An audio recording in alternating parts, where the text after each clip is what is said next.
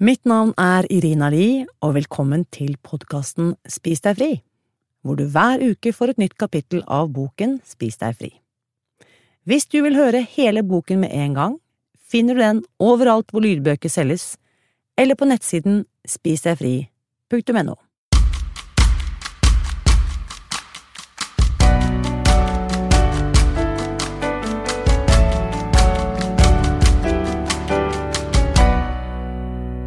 Kapittel 11 Livet med de klare grensene Bright Line Eating fører til varig vekttap fordi det er noe mer enn en krasjdiett.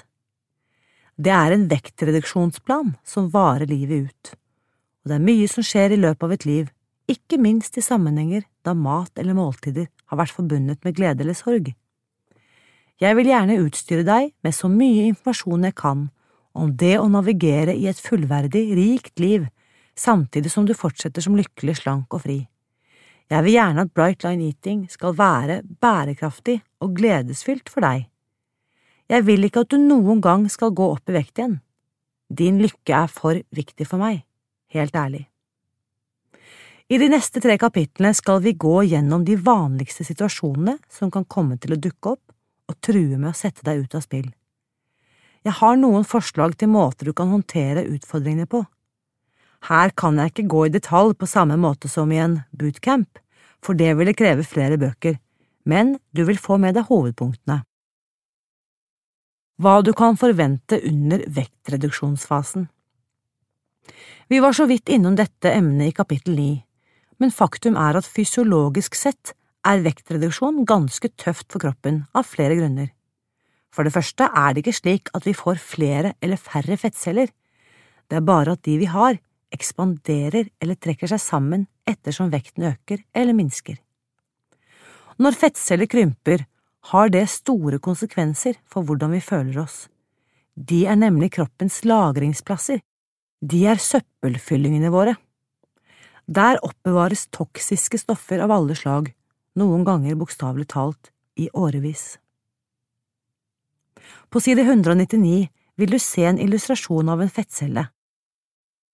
Du som lytter til denne boken, kan finne denne illustrasjonen på nettsiden www.spisdegfri.no skråstrek lydbok.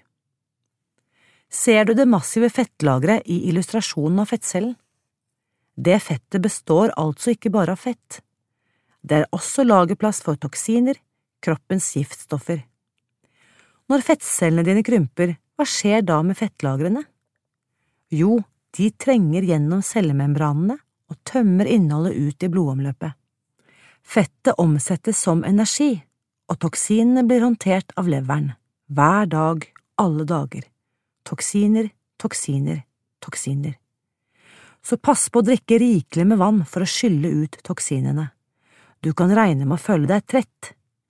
Legg også merke til at du nå blir tilført mye energi fra opplagret fett, som ikke er den energikilden kroppen helst foretrekker enda en grunn til at du ikke kan regne med å føle deg i toppform i disse første månedene med vekttap. Trettheten kan delvis også komme av at du ikke spiser tilstrekkelig med kalorier for å dekke behovet i kroppens stoffskifte, men det er jo nettopp derfor vi går ned i vekt.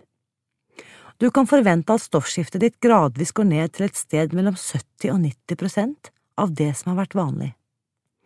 En av mekanismene som bidrar til å senke stoffskiftet, er reduksjonen av skjoldbruskkjertelhormoner, som fyrer opp under stoffskiftemaskinen i kroppen din.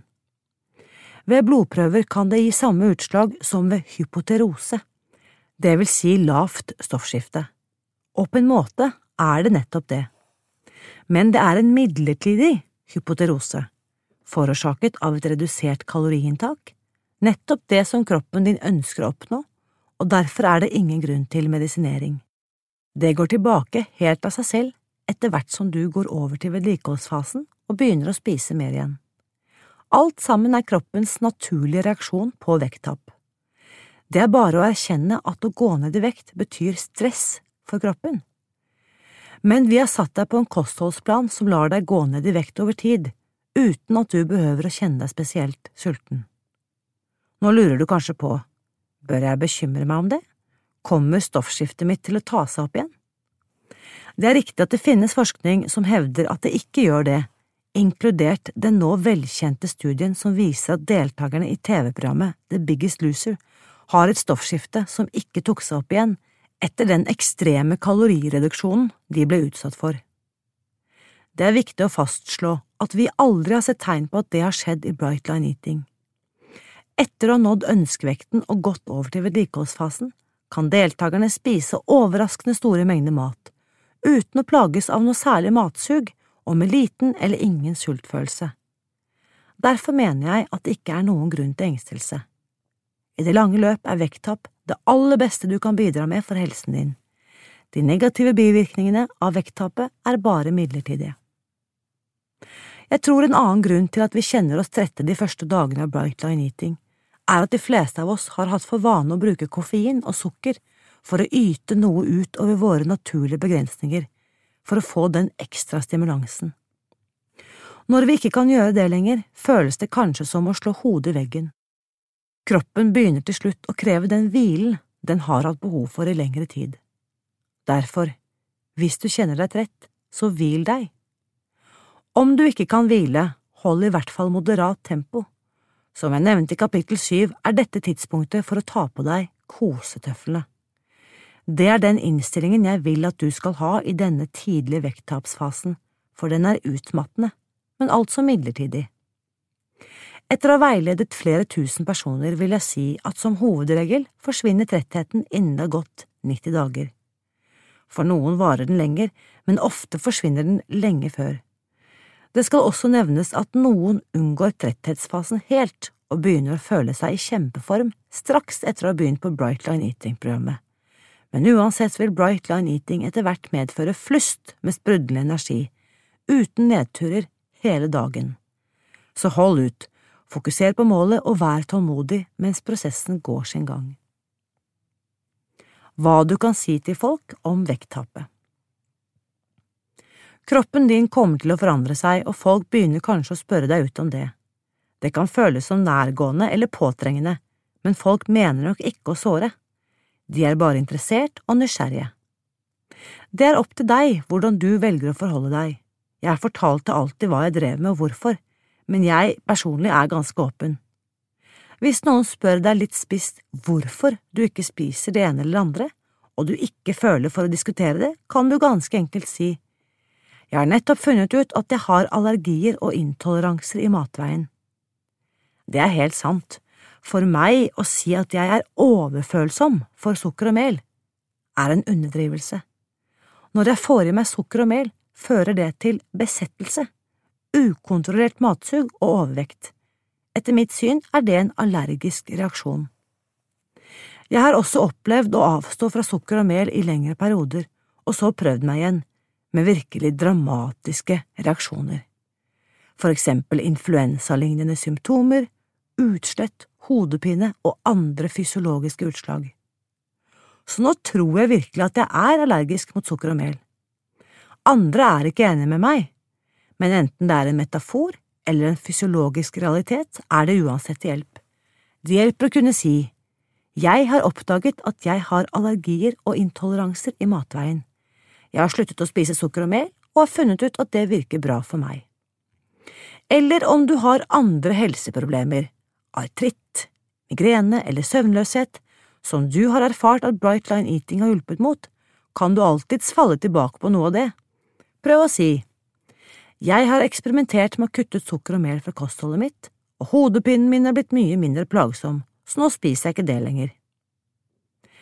Det viktigste å huske på er at ingen egentlig bryr seg noe særlig. Folk er ikke opptatt av deg, de er opptatt av seg selv. Jeg vil foreslå en annen ting. Hvis noen virker oppriktig interessert, er det antagelig fordi de selv har matproblemer. Grip anledningen til å være til hjelp. Del med dem den veien du kjenner, ut av den misæren og det helvete som overspising er. Selv om du bare sier Jeg har sluttet å spise sukker og mel, vil du plante et frø som siden kan vokse til noe vakkert. Å lage mat for en familie, delt ansvar. Det er et emne jeg er opptatt av, for jeg har tre døtre. Det er også et emne jeg vet mye om, for i mange år underviste jeg i et kurs om spisingens psykologi, der jeg inkluderte en enhet om psykologi forbundet med matlaging for barn. På dette området kan jeg referere til ernæringsfysiolog Ellen Satter. Hennes matfilosofi er helt forskjellig fra den vi har i Bright Line Eating, så hold deg fast om du søker opp nettsiden. Hun tror overhodet ikke på matavhengighet. Hun hevder at det går an å være en kompetent matnyter, det vil si en som tillater seg å spise så mye en vil, av alt det en har lyst på i et måltid, på en oppmerksom og fokusert måte. Hvis du er overvektig, mener hun det ikke er noe å bekymre seg for. Hun og jeg har diskutert dette temaet, og vi er enige om å være uenige. Kompetent matinntak har aldri fungert for meg, og jeg tror det finnes mange med en svært mottagelig hjerne som finner ut at det heller ikke fungerer for dem. Men for personer som ligger lavt på mottagelighetsskalaen, kan det kanskje fungere.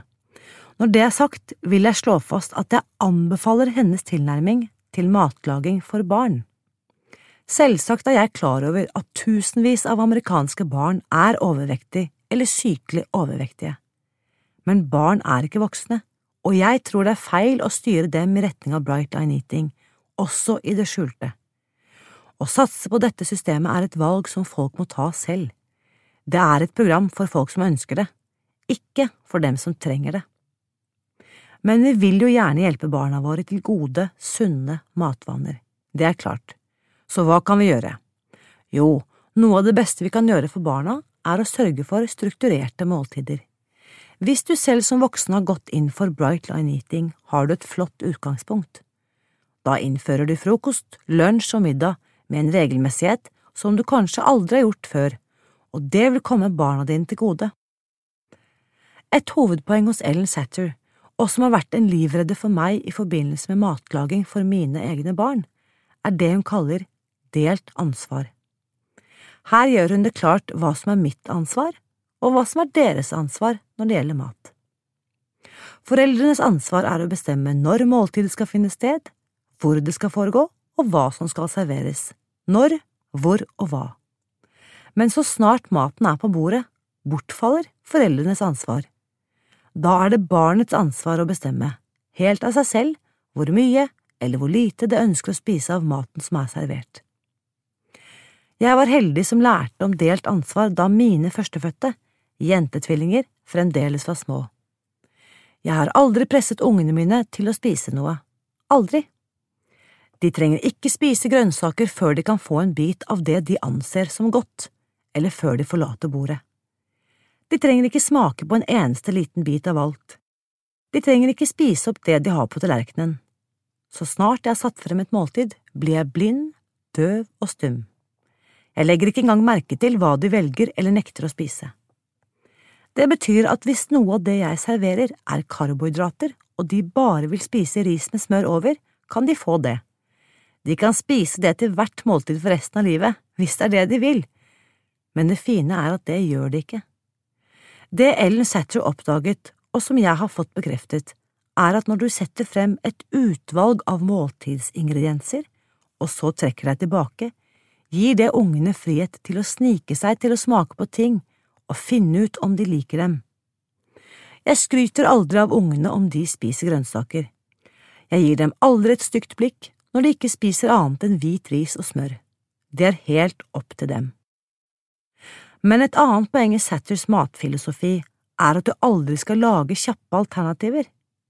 Hvis barna ikke liker det jeg serverer, vil det alltids bli en mulighet for å spise igjen om et par timer. De får frokost, lunsj og middag, pluss ett mellommåltid formiddag og ettermiddag, med fast krav om å sitte ved bordet. Ungene klager av og til og sier, men jeg liker ikke det, det er ikke noe jeg liker her i det hele tatt. Da svarer jeg, du trenger aldri å spise noe du ikke liker. Der slutter samtalen, og de vet det. Jeg kommer ikke til å presse dem til å spise noe, ikke en eneste bit. Etter middag hjemme hos meg blir det ikke noe mer mat. Ungene mine vet at de ikke får lov til å småspise dagen lang. De får ikke lov til å gå på kjøkkenet og forsyne seg fra skapene når det passer dem. Det kan være vanskelig å innføre en skikkelig ansvarsdeling hvis barna dine allerede er eldre og har vært vant til å forsyne seg fra kjøkkenet når de har følt for det. Da er det kanskje ikke mye du kan gjøre, bortsett fra å love deg selv å bli en god rollemodell og sørge for god mat til måltidene. Men hvis du har små barn og stadig har oppfordret dem til å spise enkelte typer mat, skal du vite at du kan slutte å legge press på dem. Det kan faktisk hjelpe dem til å bli kompetente matnytere. Dessuten tar det en stor byrde fra skuldrene dine. Det jeg gjør ved måltidene for å tilpasse familiens mat til min egen, er å sette frem en stor bolle med karbohydrat i tillegg til det jeg selv spiser. Mitt eget protein, grønnsaker, salat og frukt. Gode karbohydratkilder for barn, og for eventuelle voksne i husholdningen som ikke deltar i Brightline Eating, er hvit eller brun ris, helkornpasta, økologiske kamutspiraler, quinoa, hashbrowns og søtpoteter. Barn trenger en viss mengde karbohydrater. De kan ikke leve på bare protein og grønnsaker, slik vi kan når vi er i vekttapsfasen. Etter at du har satt deg inn i Bright Line Eating-filosofien, kan jeg tenke meg at du som forelder eller besteforelder begynner å bekymre deg for hva barna eller barnebarna spiser. Jeg er også bekymret. De valgene barn blir utsatt for i restauranter, på barnemenyer og i skolelunsjmåltider, er rett og slett forferdelige. Jeg kan forsikre deg om én ting. For det første er det ok at barna spiser mel. Mel er hovedsakelig glukose, og glukose skaper problemer når det ikke straks forbrennes som energi men små barn forbruker mye energi. Derfor blir mesteparten av melet de får i seg, omsatt til glykogen, som musklene raskt omsetter til energi. Sukker er verre. Her er mitt opplegg. Jeg tilbyr aldri fruktjuice, heller ikke mineralvann eller desserter. Det forventes ikke at det kommer noen form for dessert ved slutten av lunsj eller middag, ikke engang frukt.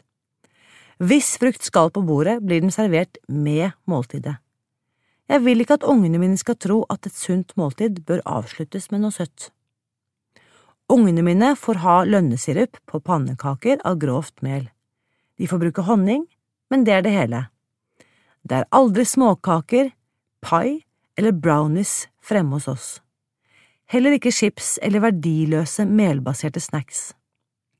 Når barna skal ut og spise på restaurant eller i selskap eller på piknik, blir de selvsagt konfrontert med dårlige matvalg. Men i det store og hele er min filosofi at det ikke er verdt å gjøre et stort nummer ut av det. Så lenge det ikke er noe som foregår hele dagen, hele tiden, viser forskning at det ikke forkludrer hjernefunksjonen. Det som forkludrer, er konstant og kronisk tilgang. Derfor føler jeg at så lenge jeg sørger for det motsatte, er det det beste jeg kan gjøre. Egentlig tror jeg det er verre å nedkalle død og dommedag over den typen mat, noe som har vist seg å føre til en forsterkning av behovet for akkurat den maten. Mitt mål er at døtrene mine skal nå voksenlivet med en relativt nøytral holdning til mat. Jeg er selvsagt bevisst på ikke å utsette dem for mye oppmerksomhet rundt mitt eget forhold til mat. Derfor er jeg veldig nøye med ikke å snakke om kroppen min eller vekten min, eller hva jeg spiser eller ikke spiser, overfor dem. Jeg lar dem heller ikke snakke til meg om deres egen kropp på en uheldig måte. Da de var mindre, hørte jeg av og til nevnt noe sånt som at de hadde fet mage eller noe annet nedsettende. Jeg tror ikke de egentlig visste hva de snakket om, de bare tok etter det de hadde hørt barn på skolen si om seg selv.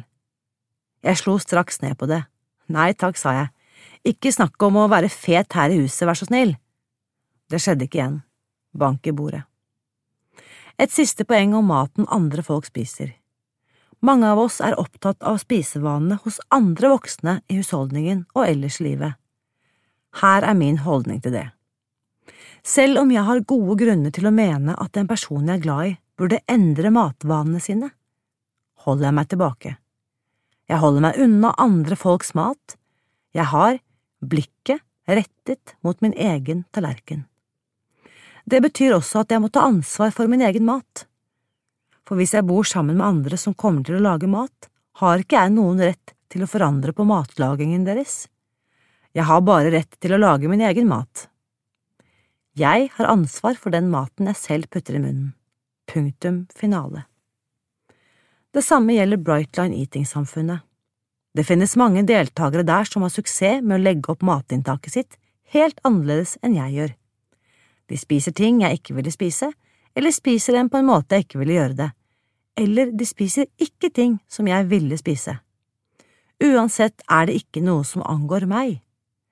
For å være helt ærlig er det å holde blikket festet på min egen tallerken, og samtidig vise kjærlighet og aksept for andre, den eneste måten jeg kan holde meg ved mine fulle fem på.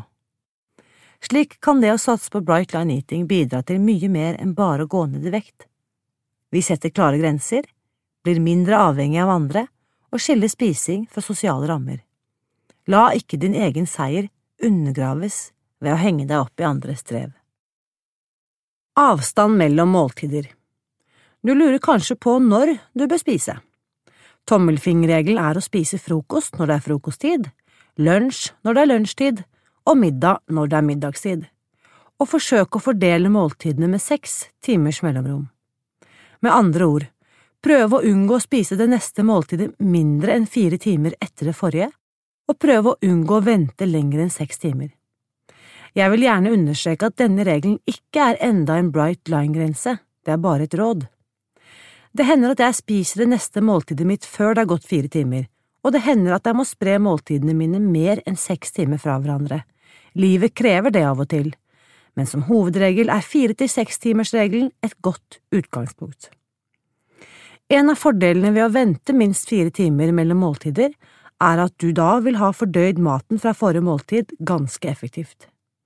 Hvis du spiser før det har gått fire timer, har du sannsynligvis ikke fordøyd alt fra måltidet før, og det er bedre for fordøyelsessystemet om du har sendt ut brorparten av forrige måltid før du legger til mer. Hvis du har en travel timeplan, for eksempel om du jobber roterende skift, skal du være klar over at det alltid finnes en brukbar løsning for å skape avstand mellom måltidene. Her er noen strategier som folk har tatt i bruk.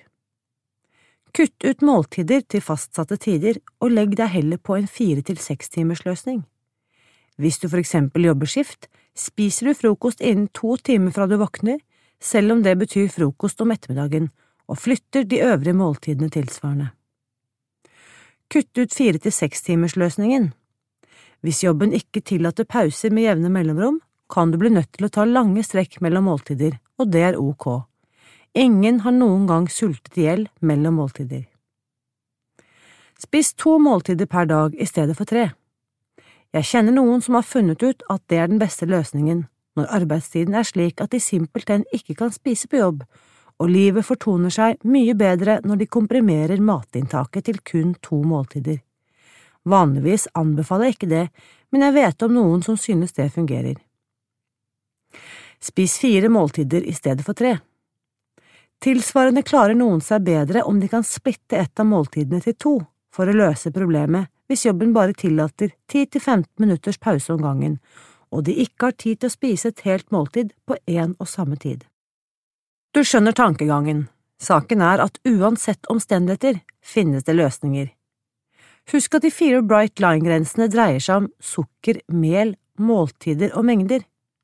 Så lenge du spiser definerte måltider uten å småspise imellom, holder du deg til Bright Line Eating.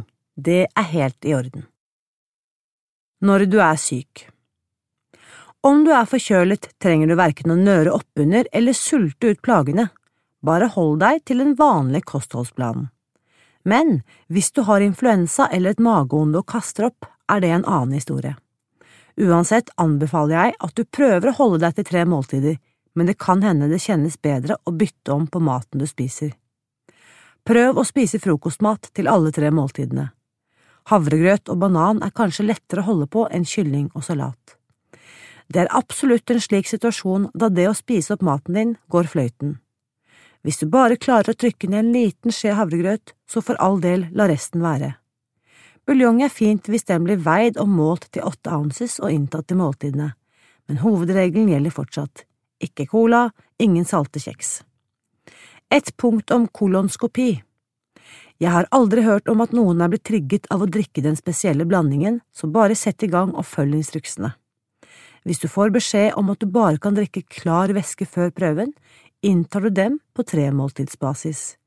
Buljong eller hvit tranebærsaft uttynnet med like deler vann pluss den medisinske drikken er greit. Å lage erstatninger Bright line eating hjelper oss å unngå viljestyrkefellen ved at vi ikke tar på sparket hva vi skal spise på et gitt tidspunkt.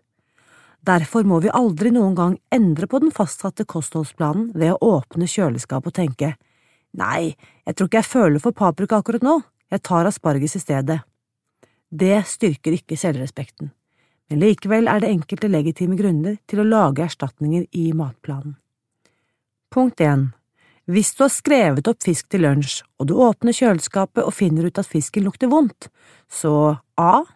Ikke spis den, og b. Ikke kjør til butikken for å kjøpe mer fisk. Finn en annen proteinkilde, legg den på vekten og gå videre med dagens program. Punkt to. Det er noe jeg pleier å kalle mammaunntak.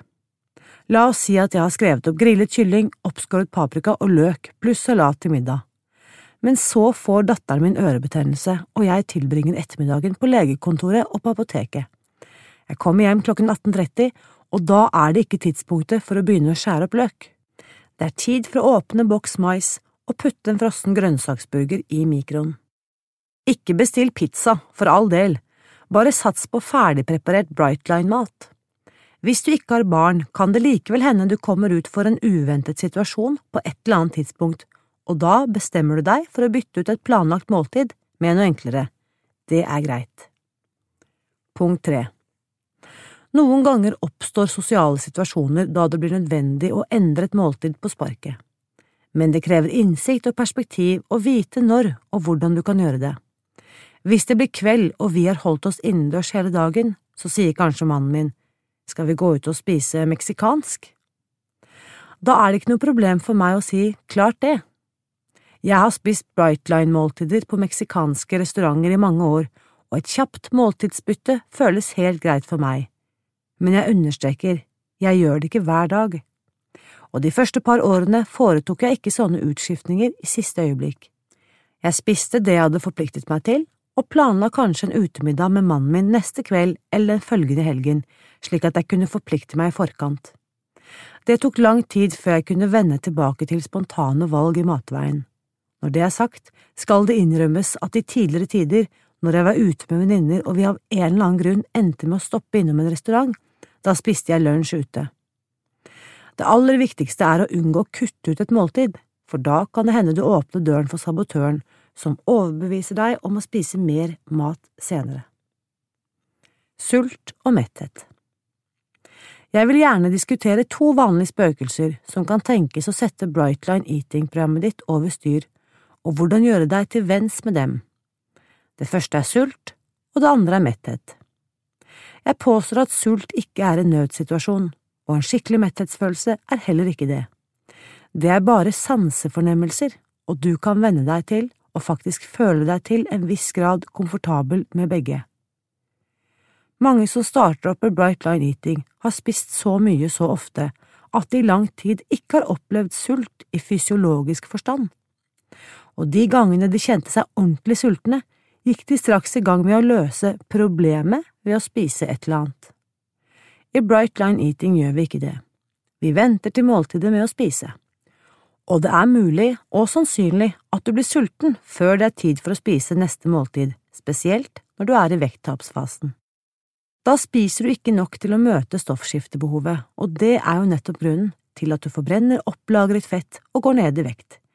Under slike omstendigheter er sult absolutt mulig. Noen går riktignok gjennom Brightline Eating vekttapsfasen og forteller at de aldri har kjent sult. Andre forteller at de nesten alltid ble sultne en time eller to før neste måltid. Og noen ganske få kjenner seg veldig sultne mye av tiden. Men uansett hvordan du snur og vender på det, er sult ikke noen nødsituasjon. Det er ganske enkelt en interessant fornemmelse i kroppen. Men om du ikke føler det slik, om sult gir grunn til engstelse hos deg, oppfordrer jeg deg til å finne ut hvorfor. Kanskje du bør skrive om det i dagboken din, eller lære å bli venn med det. Det er jo ikke noe smertefullt, det er bare en litt pussig fornemmelse å kjenne den rumlende kilingen i magen. 15 minutter eller en halvtime etterpå kan den være helt forsvunnet. Ikke fordi du har spist noe, men fordi sult kommer og går. Ofte kan noe så enkelt som et glass vann eller en kopp urtete hjelpe. så jeg oppmuntrer deg til å begynne å tenke på sult på en annen måte. Pust deg inn i den. Se hva som dukker opp når du spør deg selv hva som engster deg. Sultens motstykke er metthet. Jeg skal medgi at jeg er av dem som faktisk liker å være veldig, veldig mett. Før Bright Line Eating opplevde jeg noe virkelig tilfredsstillende ved følelsen av en god og mett mage, men jeg har arbeidet med mennesker lenge nok til å vite at mange kjenner seg skikkelig uvel når de er veldig mette. Noen har fortalt at de måltidene vi trenger å spise på Bright Line Eating, er nok til å skape denne følelsen av ubehag. Hvis du har en bakgrunn i bulimi og fornemmelsen av å være for mett trigger deg, bør du redusere mengdene litt. Og nok en gang vil jeg oppfordre deg til bare å sitte stille med følelsen av ubehag og forsøke å bli venn med den. Akseptere den. Skrive om den. Hva er det med fornemmelsen av å være mett som er skremmende eller ubehagelig for deg? Hva bringer den frem i deg? Tidligere har du sannsynligvis reagert på sult eller metthet på en måte som ikke kom deg til gode. Nå har du en anledning til å endre på det. Tanker og mantraer om mat På samme måten kan du endre dine tanker om alt det som ikke er min mat, der ute i verden. Mantraer er en god tilnærming.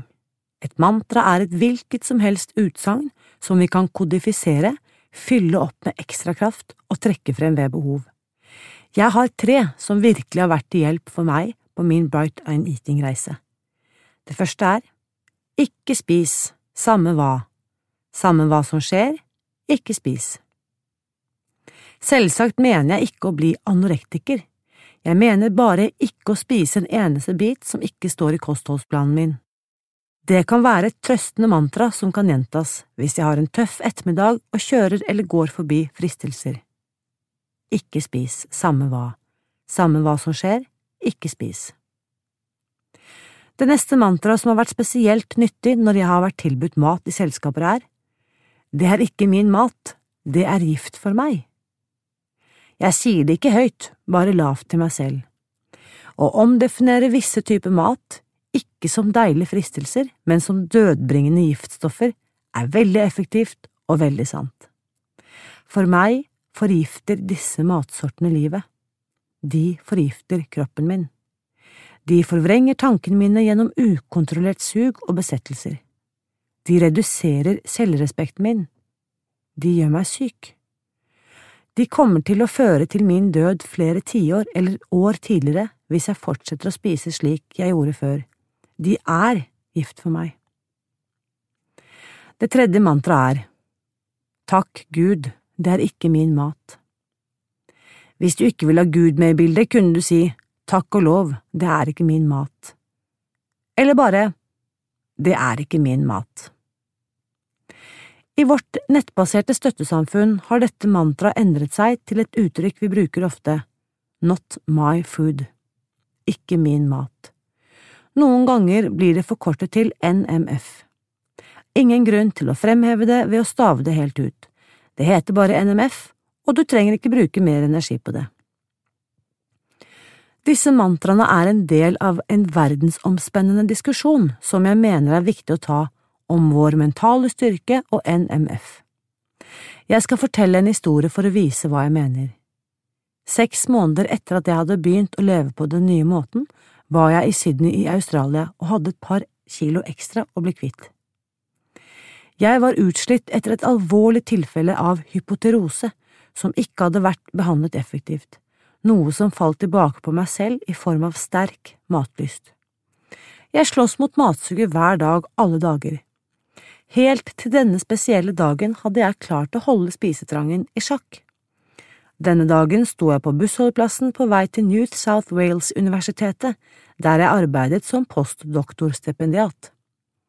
Rett ved bussholdeplassen lå det en kafé med kaker i vinduet, flere etasjer med kaker. Vanligvis ville jeg gå videre til neste butikk, som jeg tror var en bokhandel, for ikke å måtte bli stående foran kakene. Men denne dagen var jeg så sliten og lengtet sånn hjem at jeg tillot meg å stirre på kakene i vinduet. Det var ikke bare det at jeg så på dem, jeg studerte dem inngående. Jeg fantaserte om hvordan en av dem ville smake, hvordan en annen ville lukte, og hvilken jeg ville velge om jeg skulle spise en. I hodet mitt var det helt hypotetisk, jeg sa til og med til meg selv, jeg er helt trygg, for jeg kommer ikke til å spise dem, jeg skal bare se. Jeg gikk på bussen og dro på jobb. Neste dag sto jeg på bussholdeplassen igjen, og da gikk jeg inn og bestilte en kake. Jeg stoppet ikke etter ett stykke, jeg fortsatte å spise. Så enkelt var det å starte på en tre måneders utskeielse. Jeg la på meg alle kiloene igjen jeg hadde gått ned, pluss litt til, og gikk fra størrelse 34 til størrelse 54 på tre måneder. Det var den mest smertefulle perioden av mitt liv, jeg klarte simpelthen ikke å slutte å spise. Men endelig, etter noen måneder kom jeg meg tilbake på programmet igjen, gikk ned alle kiloene og har vært slank hele tiden etterpå. Det jeg lærte av denne erfaringen, er at tanker har stor kraft. Jeg kan ganske enkelt ikke tillate meg selv å fantasere om mat. Så snart jeg oppdager at jeg mentalt er i ferd med å vandre inn i NMF-land, stenger jeg av for den tankegangen. Det er ikke min mat. Det er gift for meg. Ikke spis. Samme hva. Samme hva som skjer, ikke spis. Bokstøtter Ved slutten av dette kapitlet vil jeg fortelle om et lite triks som kan være til hjelp i tøffe situasjoner når du er redd for å plukke opp en matbit som ikke hører til i matplanen din. Det kan dreie seg om det første kinobesøket etter oppstarten på Brightline Eating, matinnkjøp på et sted der de selger lekkerbiskener, en bryllupsfest eller middag hos en venn. Du skjønner poenget. Når du vet at du vil komme i en slik situasjon, vil jeg oppfordre deg til å benytte et verktøy som kalles bookends, bokstøtter. Bokstøtter er de holderne som settes i hver ende av en rad med bøker i bokhyllen, ikke sant? Så når du bokstøtter en hendelse, virker det slik. La oss si at den aktuelle anledningen er et bryllup. Før du går i bryllupet, kan du tekste buddyen din eller poste en melding til den nettbaserte støttegruppen i Brightline Eating. Jeg skal i bryllup i kveld, og jeg er bekymret fordi jeg aldri før har vært i et bryllup uten å spise NMF. Jeg tror det kommer til å være fristelse der, men jeg har handlingsplanen for nødsituasjoner klar i hodet mitt, og jeg forplikter meg til å ta den i bruk dersom jeg blir skikkelig fristet. Når begivenheten så er over, går du tilbake til den nettbaserte støttegruppen eller tekster buddyen din igjen og sier jeg har holdt meg til mine bright lines, de klare grensene. Føler meg helt topp. Takk for god støtte. Bare det å vite på forhånd at du kommer til å bokstøtte situasjonen, at du kommer til å rapportere tilbake til nettsamfunnet eller en buddy om din nyvunne seier, vil sørge for at du kommer deg trygt gjennom prøvelsen. Historier fra virkeligheten Kristin Vonheim, 59 år, fra Skedsmo spesialpedagog. Min Spis deg fri-reise startet høsten 2017, da fastlegen forsiktig foreslo at jeg burde vurdere en livsstilsendring. Jeg hadde diabetes type 2 og høyt blodtrykk, i tillegg til at hodet og kroppen lå nede for telling. Oppgitt og nedtrykt gikk jeg fra legekontoret og tenkte at jeg ikke hadde gjort annet de siste årene enn å endre livsstil for å bedre min helse. Jeg har vært overvektig det meste av livet. Så lenge jeg kan huske, har mat vært forbundet med dårlig samvittighet og skam. Fra 17–18-årsalderen har jeg vært en typisk jojo-slanker som har prøvd det meste, bortsett fra slankeoperasjon. Etter en slankekur gikk det ikke mange ukene før vekten økte på igjen, og den nådde stadig nye høyder. I mange år vekslet jeg mellom heftige slankekurer da jeg opplevde kontroll og mestring, etterfulgt av perioder med overspising å blottlegge all min svakhet og manglende viljestyrke for hele verden hver gang jeg gikk opp i vekt, førte til skam, stress og dårlig samvittighet. Etter hvert utviklet jeg diabetes type 2. Gjennom flere år forsøkte jeg å legge om kostholdet med tett oppfølging av leger og ernæringsspesialister. Jeg kuttet ut mel og sukker og levde på en pulverkur med jevne mellomrom. Hver gang gikk jeg ned noen kilo, og hver gang kom jeg til et vektplatå som var umulig å forsere uansett hva jeg gjorde. Den onde sirkelen med periodevis slanking og overspising fortsatte, om enn i en mer kontrollert og moderat form enn tidligere. Av den grunn holdt vekten seg noenlunde stabil. Uansett var jeg fremdeles overvektig, med en BMI på 33, da jeg i oktober 2017 startet på grunnkurset til Irina. På det tidspunktet hadde jeg skjønt alvoret i legens anmodning om å endre livsstil, selv om målsettingen der og da føltes håpløs. Noen uker tidligere hadde jeg lest om Spis deg fri i VG. Jeg kan huske at jeg ble voldsomt provosert, fordi det hørtes så ekstremt ut med veiing av maten og kun tre måltider om dagen. Uansett bestemte jeg meg for å undersøke saken nærmere, og ble fortsatt provosert. Men det endte med at jeg kjøpte boken til Susan Pearce Thompson som e-bok, slik at jeg kunne lese den med en gang. Det var referansene til forskningen som ligger til grunn for boken Spis deg fri, som vekket min interesse. Legespesialisten jeg hadde gått til tidligere, hadde også referert til noe av denne forskningen. Hun bekreftet blant annet min opplevelse av at enkelte matvarer var avhengighetsskapende for meg, at visse typer mat kunne gi meg et kick, virke beroligende og gi meg en følelse av at jeg aldri fikk nok. På samme måten som Susan har beskrevet det i denne boken. Da jeg testet meg selv på den nettbaserte mottagelighetsskalaen som viser disposisjon for matavhengighet, fikk jeg selvsagt toppscore. Det var ingen overraskelse. I tillegg var det befriende å lese Susans personlige historie. For første gang var det her et menneske som beskrev det å være fanget i matavhengigheten, helt gjenkjennelig og troverdig. Det traff meg, både i hodet og hjertet. Der og da bestemte jeg meg for å gi Brightline Eating en sjanse. Til tross for min motvilje mot å veie all maten, kun spise tre måltider om dagen, og ikke minst møte alle de sosiale utfordringene det ville innebære. Dermed var beslutningen tatt. To dager etter at legen ba meg vurdere en livsstilsendring, meldte jeg meg på kurs. Motivasjonen for meg var å oppnå en bedre helse, og gå ned vekt så jeg som en hyggelig bonus. Det ble en tøff start med sult og abstinenser, noe jeg var forberedt på siden jeg hadde kuttet ut sukker og mel fra kostholdet tidligere. Da jeg startet, hadde jeg et melfattig og tilsynelatende sukkerfritt kosthold, men jeg hadde et høyt forbruk av kunstig sukker og sukkererstatninger av ymse slag. I tillegg var jeg avhengig av Pepsi Max. På grunn av diabetesen målte jeg blodsukkeret daglig. Allerede etter fire dager skrev jeg dagboken min at verdiene var lavere enn de noen gang hadde vært etter at jeg begynte å måle. Denne fremgangen fortsatte. Etter ca. fire måneder hadde blodsukkeret mitt normalisert seg, og jeg kunne slutte med blodsukkerregulerende medisiner etter mer enn ti år. Det var en stor seier. Til min store overraskelse beveget også vekten seg sakte, men sikkert nedover. Etter hvert så jeg et tall på badevekten som jeg aldri i mitt voksne liv hadde sett. Jeg begynte å ane at det faktisk skulle være mulig for meg også å oppnå normale BMI-verdier. En vakker dag ville jeg kunne handle klær i hvilken som helst klesbutikk, i helt vanlige størrelser. Det tok på dagen åtte måneder. I dag har jeg en BMI på 23, etter å ha gått ned 30 kilo. Jeg er normalvektig, og jeg finner alltid klær som passer, og som jeg synes jeg ser fin ut i. For ett år siden var det en umulig og utopisk tanke. Det oppleves som et lite under. Av og til streifer tanken meg. Når dette resultatet viste seg å være mulig, så er alt mulig. En viktig suksessfaktor for meg er at Bright Line Eating har intensjonen om kosthold og livsstilsendringer som går langt utover tradisjonelle slankekurer, som gjerne har fokus på å oppnå et eller annet kroppsideal.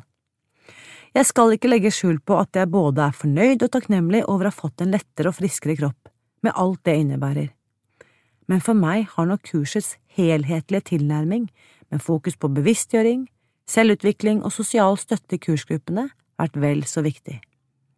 For første gang i mitt liv har jeg møtt mennesker jeg kan dele erfaringer og historier med, som forstår hverandre uten fordømmelse. Vi kan støtte og oppmuntre hverandre i en hverdag basert på de fire linjene. Det er jo ikke til å legge skjul på at det kan være krevende, også når målvekten er nådd og hverdagen skal etableres. Med en historie som overspiser har jeg innsett at maten har hatt sin funksjon for meg til både sorg, trøst og fest. Nettopp her ligger nøkkelen til en varig endring, slik jeg har opplevd det. De fire linjene gir meg de holdepunktene jeg trenger for ikke å falle tilbake til gamle mønstre og uvaner. Jeg holder meg til mine planlagte måltider og veier alltid maten når jeg spiser hjemme. Jeg slipper å engste meg for om det blir for mye eller for lite, noe som også holder overspiseren i meg i sjakk. I dag nyter jeg hvert eneste måltid med glede og god samvittighet, og jeg har fått ro rundt mat og måltider. I starten gruet jeg meg til de sosiale situasjonene.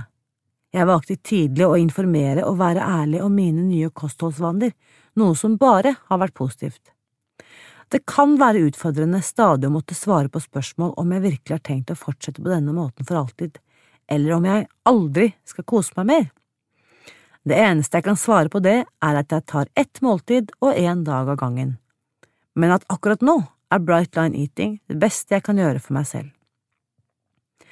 Da det nærmet seg jul, måtte jeg ta noen runder med meg selv om hva kos egentlig innebærer for meg. Det gikk opp for meg at jeg faktisk hadde noe sånt som 50 års erfaring hvor den tradisjonelle kosen med mat og drikke sjelden medførte positive opplevelser utover øyeblikkets nytelse og hygge. Jeg kom fram til at jeg kunne velge, enten å fokusere på alt jeg ville miste av nytelse og fellesskap, pluss engstelse for å føle meg utenfor. Eller jeg kunne finne et nytt fokus, hvor hensynet til hva andre måtte mene, tenke og tro, kom i bakgrunnen. I stedet kunne jeg gi plass til det som har hatt betydning for meg og mitt liv, Resultatet ble en koselig julefeiring, helt etter de fastsatte linjene, hvor jeg la meg hver eneste kveld akkurat passe mett, lykkelig og fri fra dårlig samvittighet over fråtsing og overspising. Denne gode følelsen har jeg tatt med meg gjennom hver dag det første året av min Spis deg fri-reise, særlig hvis savnet og sorgen over begrensninger i mat og drikke melder seg. Jeg tar fremdeles ett måltid og én dag om gangen. Noen dager er mer utfordrende enn andre, jeg vet også at alternativet er så mye verre, dersom jeg skulle velge gamle matvaner og løsninger. Det er rett og slett ikke verdt det, sammenlignet med gleden, takknemligheten og friheten som Bright Line Eating har gitt meg.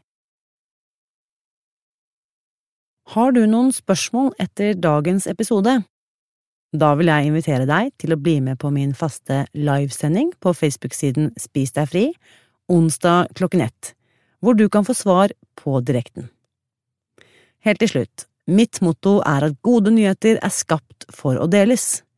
Du kan bidra ved å abonnere på denne podkasten og dele den med dine venner.